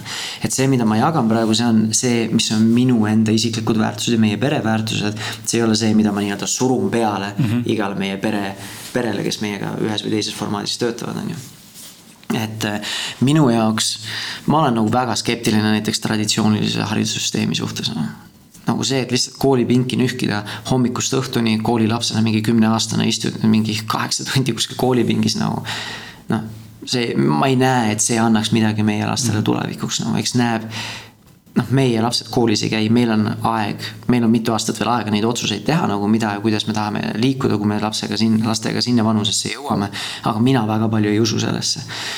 ja et pigem nagu ma näen, et endal nii-öelda sellist nagu vastutust, et nagu näidata, kuidas siis see maailm nagu, nagu opereerib või funktsioneerib. et mis minu sellised põhiväärtused on, millega ma tahan oma, millises nagu väärtusraamistikus ma tahan oma lapsi kasvatada ja selles suhtes ma tunnen ise ka, et ma pean nagu ennast kogu aeg kontrollima, et ma nagu tõesti ei suruks midagi peale äh,.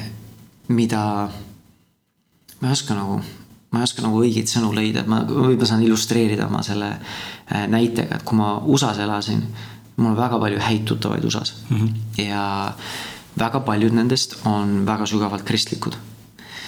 ja kui ma näen peresid, kus on näiteks mingi nelja-viieaastane laps äh, tuleb, hakkab mulle rääkima Jeesusest kui sulatõest, mitte see on nende uskumus, ma austan seda, mis nende uskumus on ja ta nagu räägib, kuidas Jeesus suri tema ja kõikide teiste pattude eest minevikus ja tulevikus ja Jeesus on tema päästja ja, ja mm, -hmm. ja isand, on ju. mis on kõik fine, aga mis mind nagu teeb nagu ettevaatlikuks või kurvaks, on see, et kui ma nagu mingil määral nagu vanemad ongi talle ajupesu teinud, et tema ise ei saa valida oma teed, noh mm -hmm et ma tahan nagu anda oma lastele mingid nagu raamid, aga ma ei taha nagu kivisse raiuda mingeid uskumusi ja asju.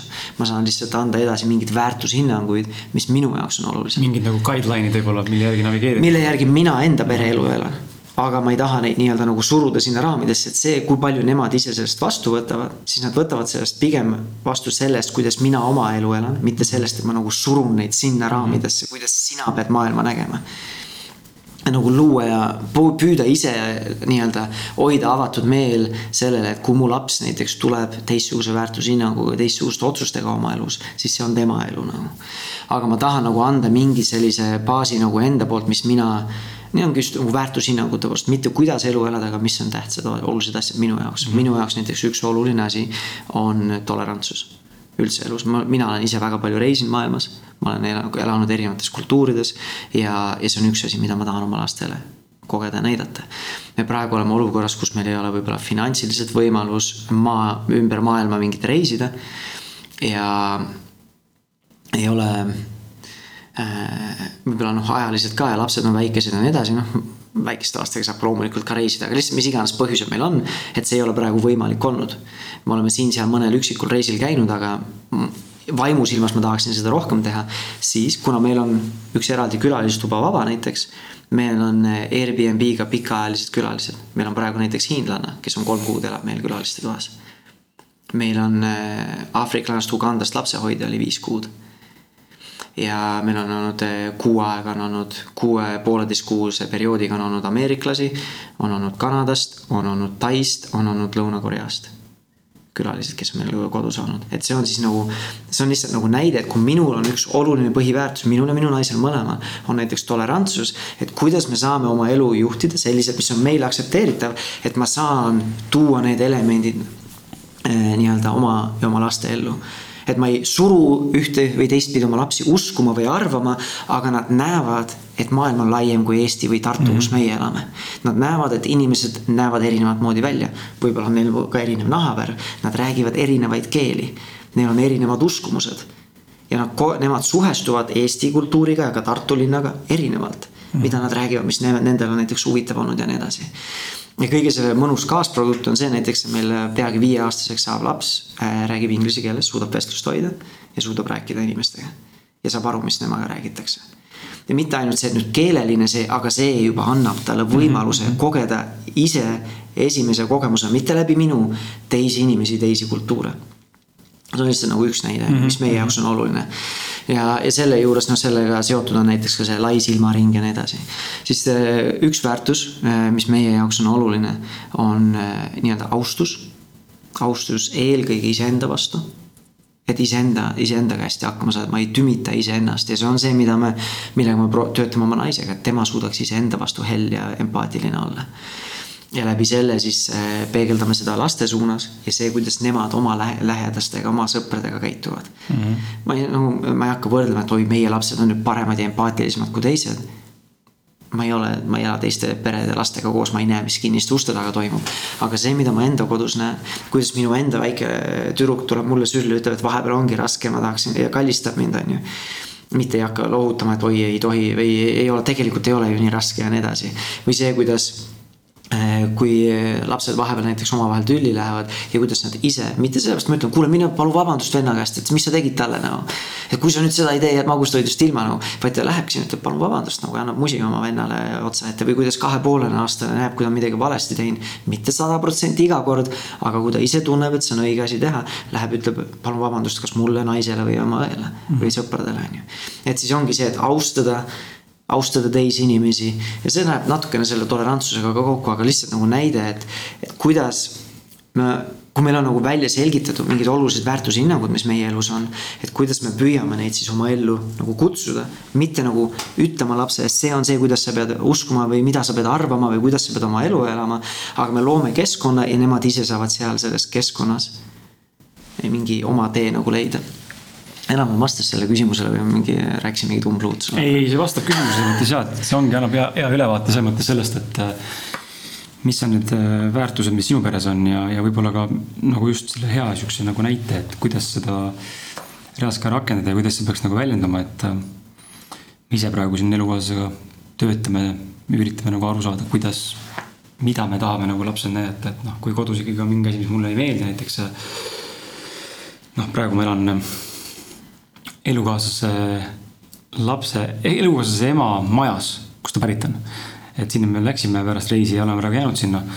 ja me oleme ka need kiiksuga, noh, hea, heas mõttes, halvas mõttes kiiksuga, et ma absoluutselt ei opereeri, kui mul on ainult kaelas kohustused kaelas, ma olen siuke inimene, kes, ma olen siuke nomaad võib-olla siuke, et ma elaks vännis noh, et ma olen, täiega tekib see pinge, kui ma tean, et mul on mingi asi kuklas hingab ja veel, kui mul ei ole ka võib-olla sissetulekut täna käi tööl, eks ole, täna vanemahüvitis jookseb onju, töötukassa onju. kui need, eriti, eriti kompant onju, et kui need peaks ära kaduma, mis järgmisel aastal juhtub onju, siis, siis nagu on, on nagu see seis, et okei okay,, et siis on veel rohkem pekkis, kui ma tööle ei lähe et me täna nagu näeme, pigem nagu liigume selles suunas jah, kus on võimalikult nagu võimalikult kohustust vaba nii palju, nii kaua kui saab, nii palju kui saab. aga lihtsalt ongi huvitav nagu näha, kui kodus on mingid asjad, mis näiteks teleka vaatamine, mina näiteks ei vaata telekat, aga elukaaslase ema õhtuti vaatab mõnikord. ja siis laps käib ringi seal teine korrus on meil renoveerimisel, õnneks on varsti valmis, saab üles kolida, siis see probleemi enam ei ole. aga praegu on see, et ta on nagu enne magaminekut, siis ta tatsab ringi oma pidžaamas seal ja. ja siis ikka mängib, mängib, aga noh, see heli ja kõik see võtab tähelepanu, ta vaatab telekat ja siis ta klamerdub niimoodi sinna ekraani külge. nime hüüdmine või isegi, no see tõi null reaktsioon, ta ei, ta ei reageerinud, mis on loogiline. ja siis, kui ära võtad sealt, siis näitab, nüüd on hakanud näitama meile välja sihukest nagu on tekkinud siuksed väiksed raevuhetked, siuksed. teeb nüüd viha kohe näha, et okei okay,, vau, algul mõtlesin, et mis asi see veel on, mida kuradit.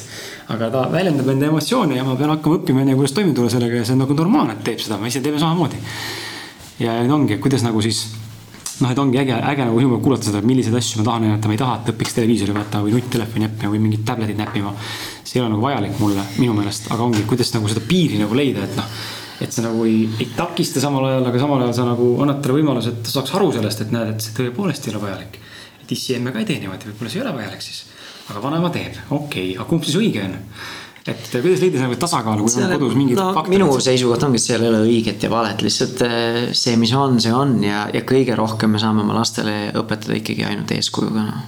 mingi moraali lugemisega, et tee nii, nagu mina ütlen, mitte nii mm, -hmm. nagu mhm. mina teen, et siis see nagu no see, see ei tööta, nagu, ei tööta ka meie puhul. väga kaugele nagu ei jõua. et eh, pigem ongi, et kui ma ise mingite väärtushinnangute järgi elan, siis see juba loob selle õhkkonna. selle keskkonna, need piirid, need raamid, mida ma ise näen, et on, eh, mis on meie jaoks olulised. ja see, et ta vahepeal vaatab sulle telekat, siis ma arvan, et Kris, see on täitsa okei okay, mm, -hmm. et see ei riku su last ära nagu no. see on okei okay, nagu, et ei, et ei pea nagu plaanima, paanitsema, et, et nüüd, kui ta mingite kuude vältel vaatab iga päev mingi arv tundi, näeb telekat, siis ma räägin, ma räägin praegu minutitest. no minutitest no. see on veel hullem. ei no beebi puhul tõesti tunde tõenäoliselt nagu kasulik talle see nagu ei ole. aga kui sa ise teadvustad endale, et see on ju ajutine nii-öelda eh, olukord ja nii-öelda situatsioon või keskkond, et siis äh, ei ole mõtet nagu nahast välja pugeda ja mingeid hakata ise konflikte looma, sa võid lihtsalt luua teise keskkonna, et ongi, et kui telekas käib, siis te olete lapsega teises toas, tegelete mm. muude asjadega, jalutate, mis iganes. ei ole mõtet hakata mingi enda elu keerulisemaks tegema, kui, kui see peab olema, noh räägi mulle sellest Facebooki grupist, et ähm, ja võib-olla ka enda sellest coaching'u äh, vanemluse sellisest olekust nagu rohkem, et äh, ma püüan nagu mõelda, mida nagu küsida, mul on nagu huvi mm,. huvitab mitu asja nagu selles mõttes, et nagu mind huvitab esimene, see huvitab sihuke hästi primitiivne küsimus võib-olla, et millega ma täna ise võitlen ja maadlen, et äh, kuidas ikkagi hakata ise raha teenima? kuidas mitte sõltuda palgatööst? nagu see on väga aus küsimus, väga hea küsimus, millele me tavaliselt ei küsi, me ei julge küsida oh,. palju sa nüüd teenid või, või kuule, palju, kas on ikka normaalne palk sul või kuidas sa üldse hakkama saad või. reaalsus on see, et see tundub mulle väga raske, ma täna pakun sisuloomet, pakun reklaami podcast'i, kui vaja on, ma võin ka seal vahepeal mingid teemad arutada, käia esinemas kuskil, kui mind kutsutakse koolidesse või mis iganes teemal kirjanikuna. aga mul ei ole nagu teenust Kris Kalana täna, mida saab pakkuda ma näen midagi, mida suudaksin pakkuda, aga mul ei ole seda piisavalt usku ka, et. aga kes olen mina nagu lähen räägin, mida ma hakkan, no isegi, isegi, ma ise ka, ma ise alles ka kulgen ju tegelikult. selles samas valdkonnas, mida võib-olla tahaksin rääkida, millest ma olen pädev rääkima, aga ma kindlasti ei ole täna seal. et nagu see paneb mõtlema, et kuidas nagu. kuidas sa seda, kuidas sa nagu, kuidas teha see fully üleminek sellest, mis sa täna teed, et sa teedki, oledki iseenda tööandja ja läbi selle vastata sellele küsimusele, et kuidas sa oled pannud selle coaching või vanemluse üldse Facebooki grupi enda jaoks nagu tööle et sind toetab? vaata, see on selline et kui keegi äh, vaatab kõrvalt või kui ma peaks mingit, ma ei tea, lifti pitch'i tegema, et äh, rääkima, mida ma teen või kuidas ma teen või mida ma olen teinud, et siis äh, see võib väga lihtsasti tunduda, et, et see on mingi selline üleöö edulugu, et mm -hmm. Et sel mehel vedas, on ju, või sattus, sattus kuskile õigesse kohta. aga noh, tegelikult seesama teekond, mis nüüd on siis nagu manifesteerinud, on tegelikult nagu olnud ju mingis etapis olgu ta siis algus või mõtte, mõttetasandil ju tegelikult juba peaaegu viis aastat, kui ma naiselt selle kõne sain, et ootab meie last. kus samast päevast ma tean konkreetselt kuupäeva, ma tean, kus ma olin, ma olin Ford Focus mingi S-Maxis kuskil Atlanta kiirteel, Skype'i teel naine helistas, ütles, näed, nüüd on selline lugu.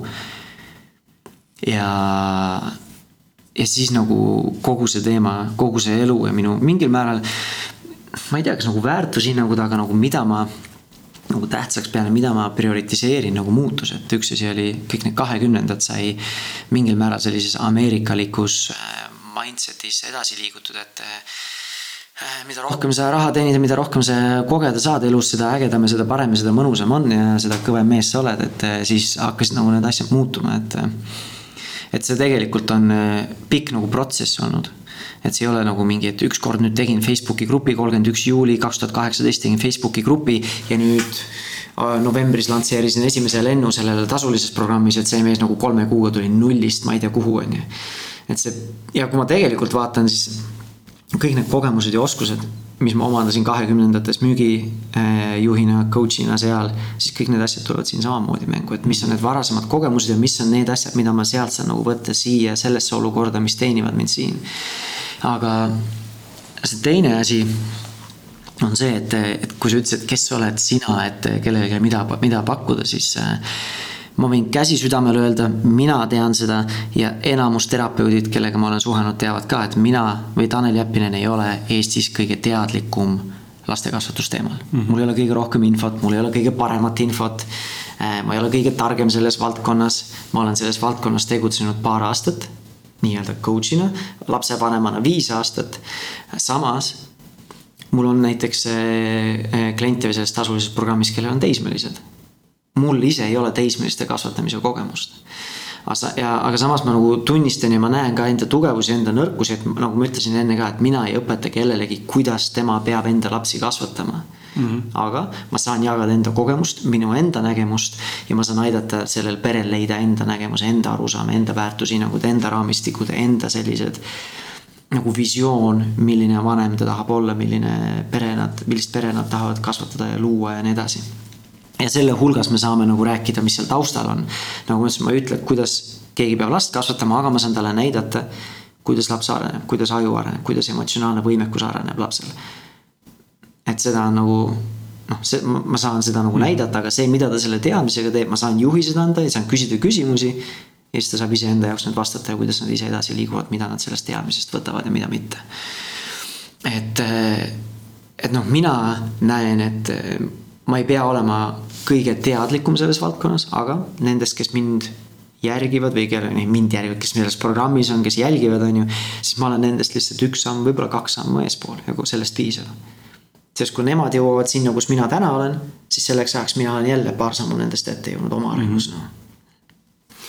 ja mõnes mõttes see nagu selles valdkonnas kindlasti on nagu värskendav, sest ma ei ole nii-öelda akadeemik kellel ei ole endal võib-olla reaalse elu kogemust, ma ise käin seda teekonda samamoodi -hmm. läbi. ma olen, ma käisin täpselt neid samu väljakutseid läbi kaks aastat tagasi, mida enamus minu kliendid võib-olla praegu kogevad, on ju. et mul on see nagu väga reaalne kogemus endal olemas.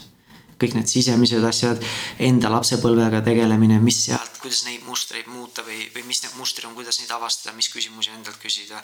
kuidas oma partneriga nii-öelda enam-vähem okei okay olla, noh paarisuhte teemat ma näiteks ise ei õpeta, seal mul üks terapeut, kes tegi telemooduli sest nagu ma olen ise õpipoiss selles valdkonnas rohkem kui nagu õpetaja tahaksin olla, on ju samas nagu kui keegi küsib tõesti, neil on olukord, et nad, kuidas nad depressioonis ise seda lähedust hoiavad.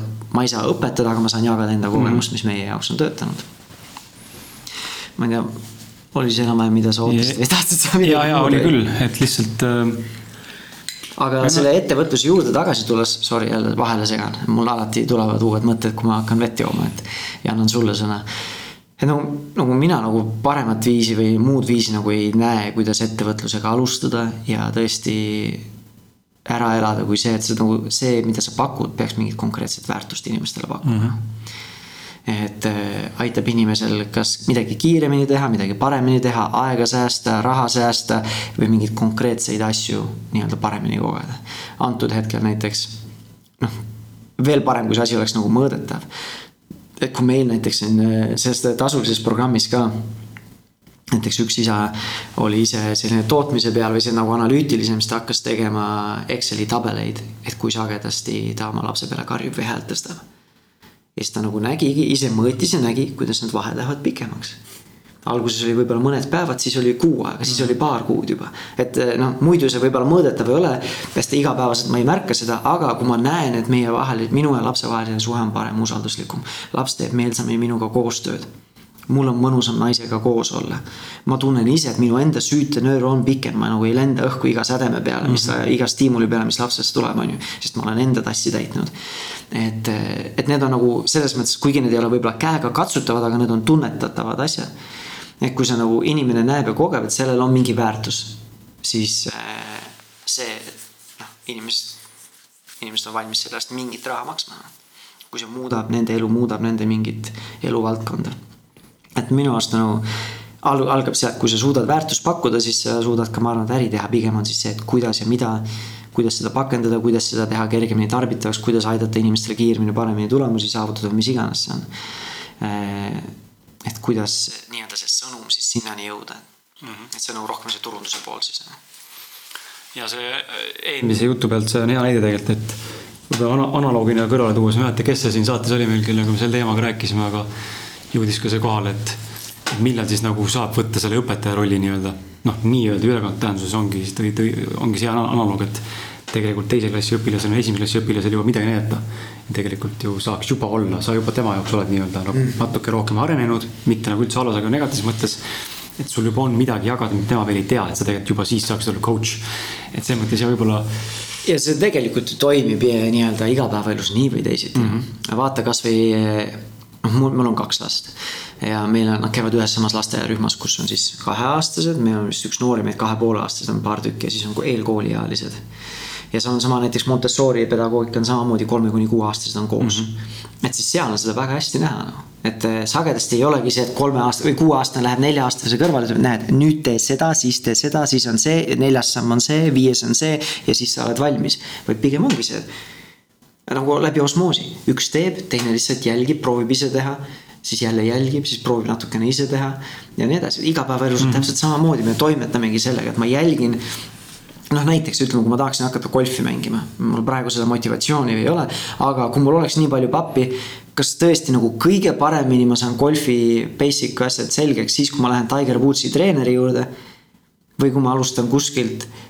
nii-öelda madalamast, kes nagu oskab mingeid põhiasju näidata, sest ma nagu, mul ei ole mehaanikat, mul ei ole oskust, ma ei jaga mingit, üldse mingit biiti et kas see on nagu kõige paremini investeeritud raha, et kas ma tõesti saan sealt, ütleme, kui too võtab tuhat korda suurema summa selle coaching'u eest, kui siis näiteks siin kuskil Eesti niidu väljal või ma ei tea, mis nende väljade nimed on, on ju. Lähen siin, seal mingi master'i juurde, on ju. et kas too on tõesti sada korda parem, ilmselt ei ole, nagu nad õpetavad mm. täpselt samu asju mulle. ja ma võib-olla isegi suudan samastuda selle vennaga, kes ma tean, et oli neli aastat tagasi täpselt samasugune mm. kobakätt nagu mina nagu. või võib-olla kaks aastat tagasi või mis iganes jaa, väga, väga hea ähm,. vaatan korra seda aega. seda väga palju jäänud ei ole, aga võtaks siis ähm,. võtaks sinu käest siis võib-olla sellise küsimuse, paneks kaks asja kokku siia viimaseks küsimuseks, et äh, milline on sinu uskumuste kohaselt mehe ja naise roll sinu peres ja, ja võib-olla ka see uskumus, milliseks sind kasvatati uskumuspõhiselt, milliseks see kujuneb täna.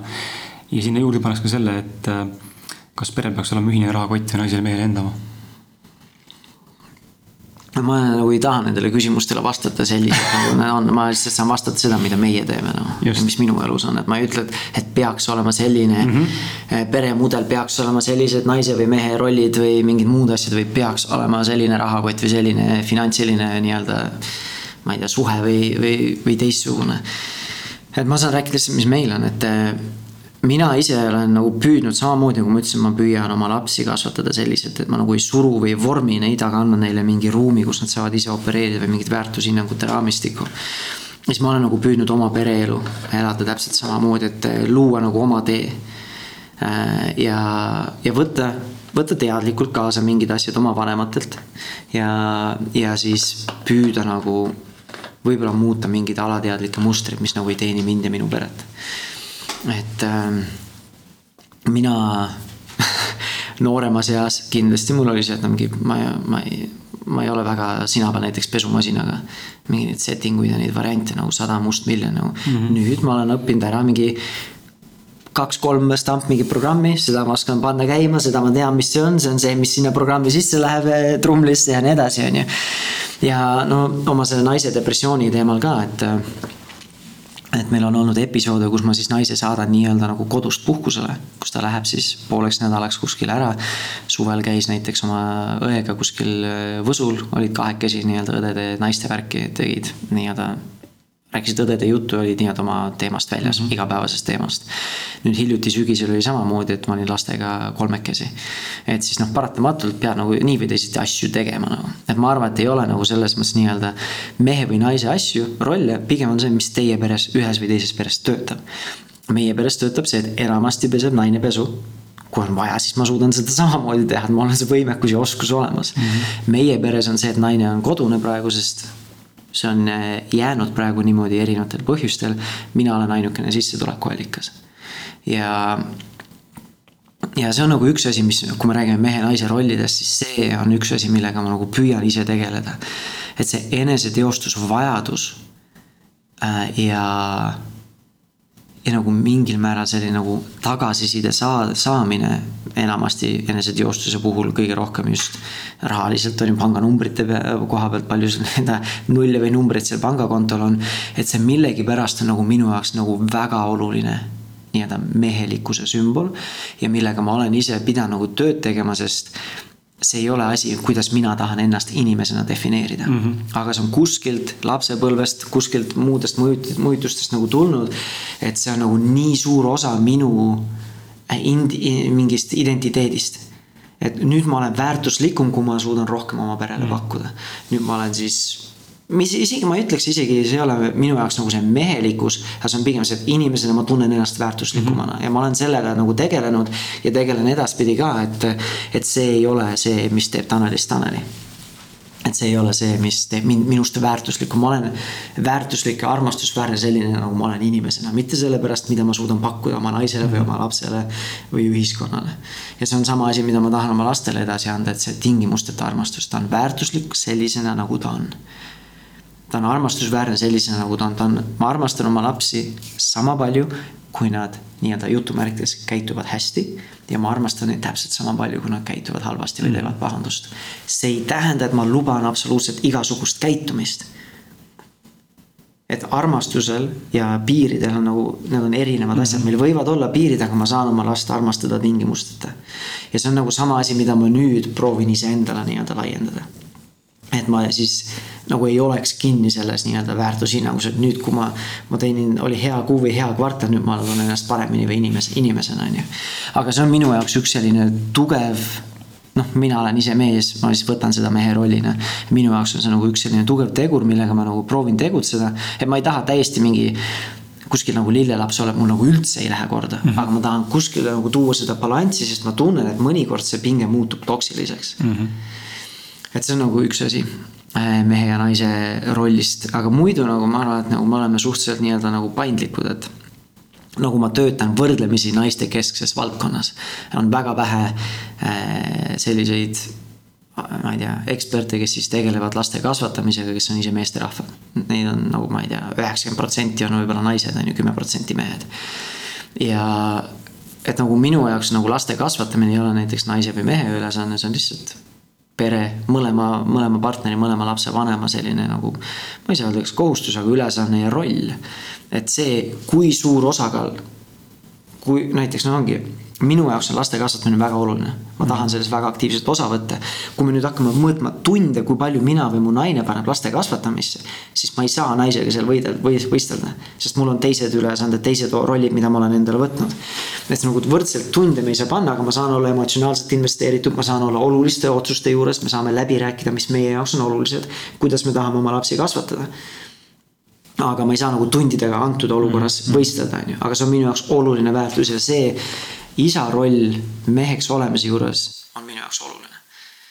et äh,